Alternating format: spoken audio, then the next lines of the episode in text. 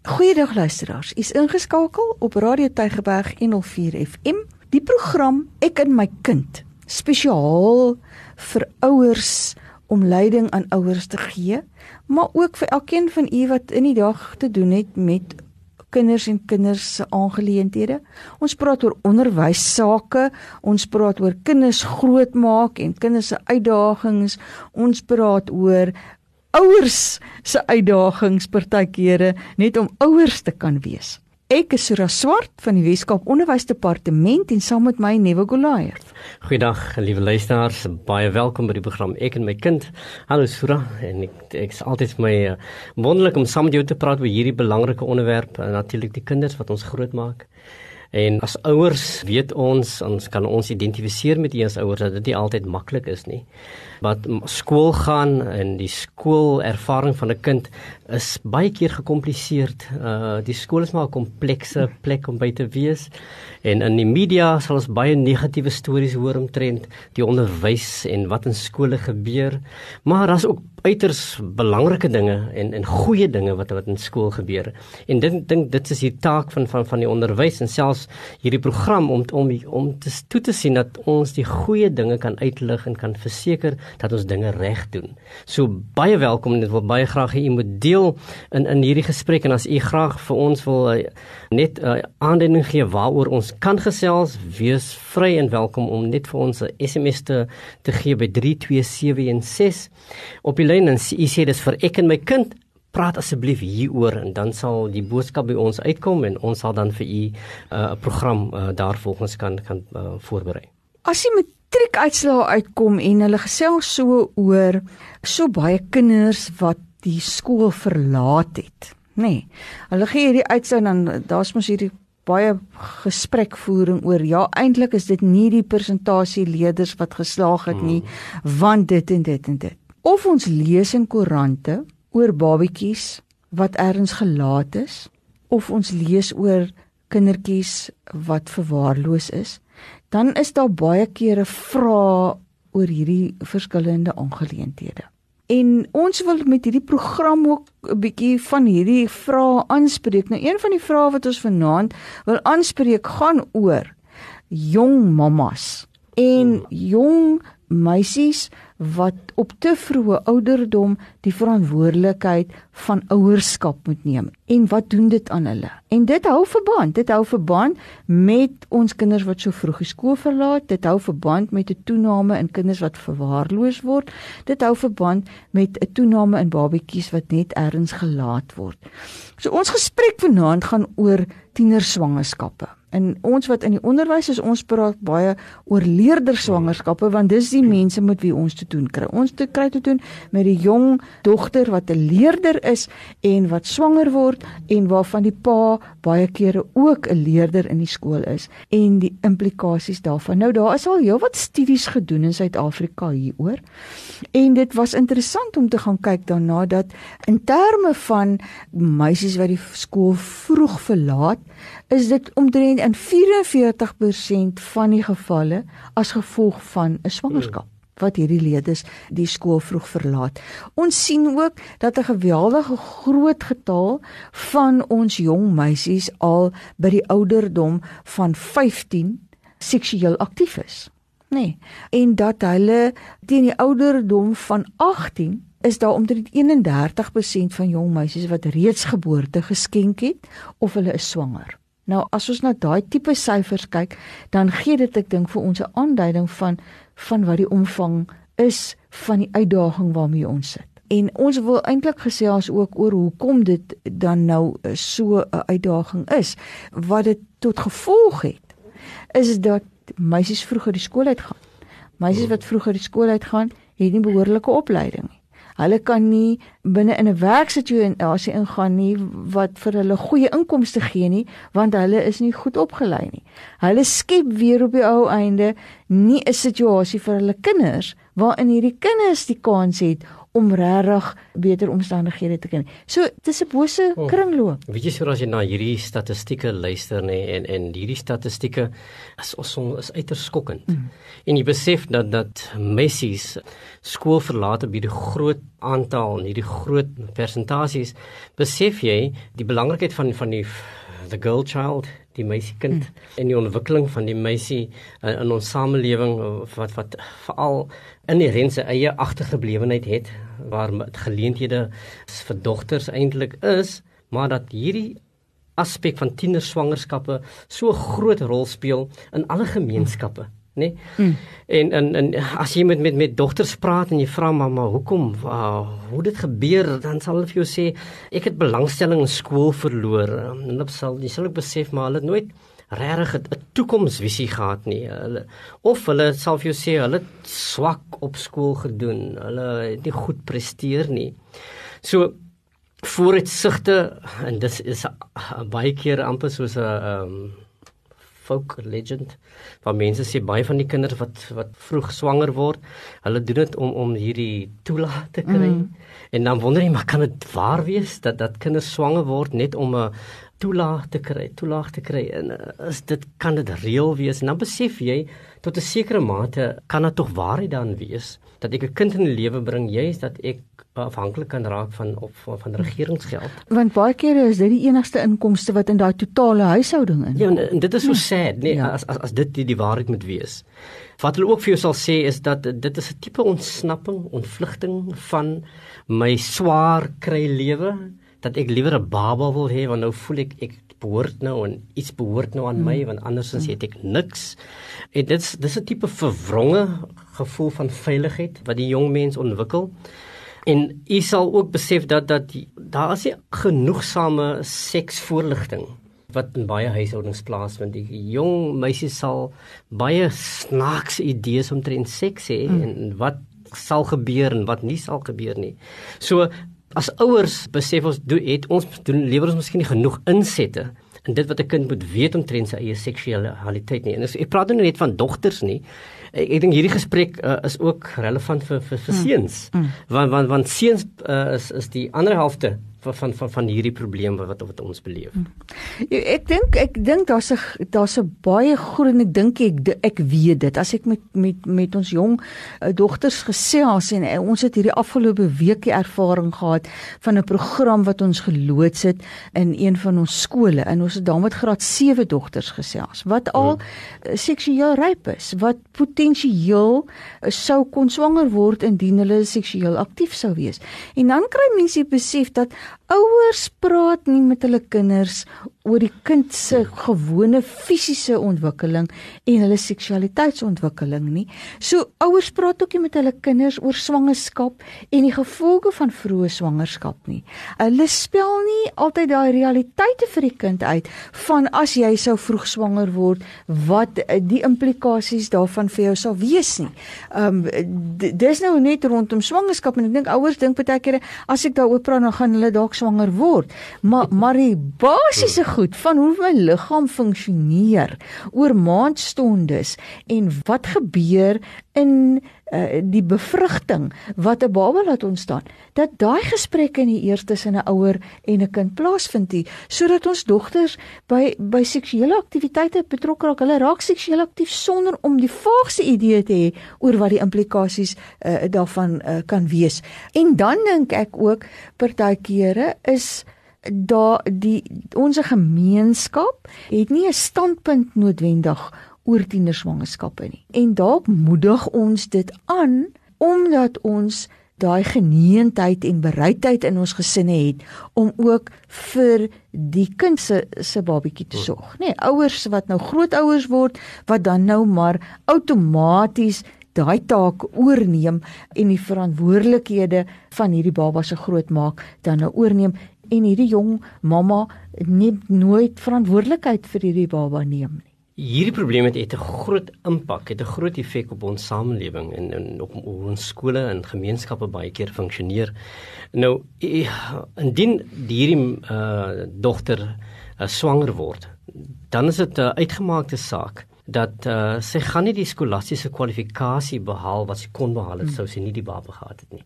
So so die kind se kanse om om, om skolasties suksesvol te wees of in 'n posisie te wees om om die nodige sertifikate te behaal soos 'n matrieksertifikaat raak al hoe meer skraler om dit te kan doen. Wat dan dit ook dan veroorsaak is dat hierdie sertifikaat wat my toegang is tot die wêreld van werk stel my outomaties druk op my want nou is ek nie in staat regtig om hierdie kind van my te onderhou en ook om myself te onderhou nie. So ek is nou 'n tiener, ek het 'n baba wat ek moet versorg. Waar gaan ek die baba kossies vandaan kry? Uh hoe gaan ek vir myself kan versorg want ek is vasgevang om om in die versorging van hierdie kind. Nou, die tienerpa, hy is ook nie 'n oplossing nie want 10 teen 1 is die tienerpa of uh, in die skool nog of hy is werkloos eers want hy het nie mooi hierdie saak deurgedink nie.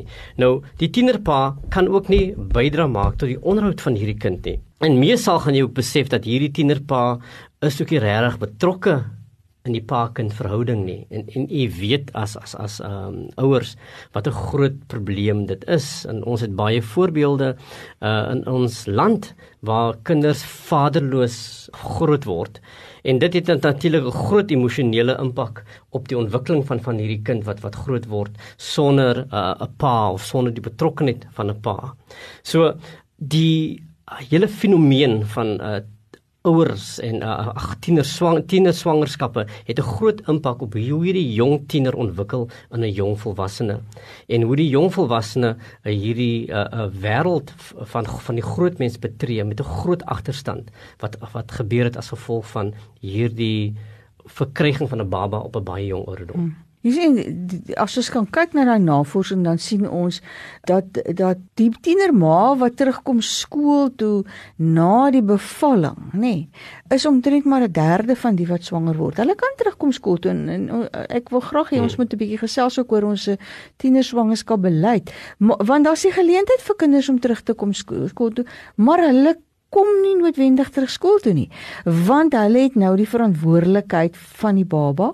Tot 'n verdere mate vind hulle hulle self nou amper nie meer op dieselfde vlak as hulle maats wat in die skool is nie want hulle het nou ander verantwoordelikhede uh, wat hulle moet nakom wat die maats nie het nie. Hulle kan nie sommer net maklik vir die aand uitgaan nie want hulle het die babatjie uh, waarna hulle moet gaan kyk. En dis waar ons nou sien dat ons hierdie groot getal kinders verloor verloor voordat hulle in matriek aankom. En en as ons nou gaan kyk dat die grootste persentasie van ons jeugdiges tussen 17 en 25 nê nee, is werkloos omtrent. Dan sien ons die korrelasie wat nou intree tussen hierdie uh, voorkoms van tienerswangerskappe en dan kinders wat werkloos is omdat hulle nie ten volle opgelei is nie. So hulle ontwikkel nou in volwassenes wat hulle self nie kan onderhou nie. Hulle kan nie selfstandig funksioneer nie. Hulle kan nie vir hulle kinders die geleentheid gee hmm. om daai volwassenes te word nie, want daar sal klaar agterstande wat intree en die die, die baba gaan teen teenoor ook dan op die ouene skolasties sukkel om te vorder want daar is nie die nodige aandag en die middele om hierdie kind te kan uh, versorg nie. Dit is eintlik baie hartseer. Hmm. Want as mense kind kry wat tot in graad 10 of graad 11 of graad 12, ek ek het my hande saamgeslaan want ons het vir, vir jare en sommer aan die begin van die jaar weggetrek alweer by 'n hoërskool met drie graad 12 leerders wat swanger is. Nou as jy tot daar gekom het en jy moet dan alles verloor as gevolg van 'n swangerskap wat voorkom kon gewees het, dan is dit vir my baie hartseer. Gesoor dat die ge, gelukkig um, het die onderwysdepartement beleid in uh, in plek om hierdie situasies te kan hmm. Uh nou, nou ons wil baie graag jong leerders of of jong meisies en seuns uh, die verantwoordelikheid leer om om, om liewer te wag om om om hulle seksuele lewe op 'n baie verantwoordelike manier te hanteer. Maar dit gebeur baie keer dat uh, ons wel ons in hierdie situasie bevind en daarom is daar beleid wat wat sou 'n kind homself of haarself bevind in hierdie situasie dat uh, die onderwysbeleid beskou hierdie kind as 'n kind met spesiale onderwysbehoeftes. Dit wil sê jy het toegang tot die ondersteuning wat die onderwysdepartement baie graag vir u as ouer en, en u as leerder sou wil bied. So indien die u dogter swanger is, is dit uiters belangrik dat u dit onder die aandag van die van die skool bring. Dat u vir die skool sê meneer, my dogter is, is swanger en sy is nou in die matriekjaar. Ja, um, is belangrik dat jy dit moet weet. En dan sal die skool vir jou nie wegwys nie. Hy is die beleid sal nie dit doen nie, doen nie. Hy sal vir jou sê, "Mamma, kom ons sit en ons praat hieroor." kom ons gaan 'n kontrak of ooreenkoms aan om te besluit hoe gaan ons hierdie ding hanteer want dit is die is die matriekjaar of is selfs nie die matriekjaar nie. Kom ons gesels hoe gaan ons u kind ondersteun terwyl hy sê nog in die skool is voor die bevallingsdatum vir die tyd plaasvind. Gewoonlik besef jy dat die, uh, na seën die 7de maand uh, is dit miskien 'n moeilike ongemaklike periode vir die kind om op skool te wees. Dan sal die skoolkind dalk die skool moet verlaat want dit is miskien nie veilig vir die dogter en die ongebore baba nie. Dat daar hierdie kontrak of hierdie ooreenkoms dan in plek gestel moet word dat uh, jy kan weet dat jy as skool voel maar die kind is veilig. Ek sal nie in die moeilikheid kom dat die kind seer kry by die skool nie en u as mamma neem ook verantwoordelikheid vir u gedeelte. Die kind, die dogter moet verstaan. Nou is dit hard werk. Want nou het dit maak met met met met jaarpunte.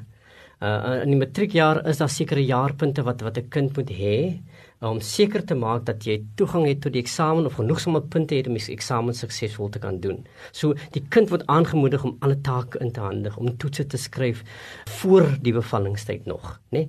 So deel van af van hierdie ooreenkoms is juis hierdie ges, in hierdie gesprek dat die kind alle take sal nakom wat van hom of haar verwag word, sodat sou die kind 'n matriek wees en bevalling is regtig hier in die matriek tydperk dat 'n kind ook toegang sal kry met die regte jaarpunte tot die aanvullende eksamen. Hmm. So so die onderwysbeleid gee vir jou kind hierdie tipe ruimte om aan homself haarself te kan hanteer en en, en die nodige ondersteuning te kry van die ondersteuningsdienste by die skool om om seker te kan weet dat dat uh, um, ek na gekyk sal word. En daarmee saam gaan dit oor beplanning vir as die baba gebore is, nê, dat daar versorging sal wees vir daai babatjie want baie kere gebeur dit dat die tiener maak gaan terug skool toe, maar nou moet sy kliniek toe gaan en sy sit die hele dag daar by die kliniek.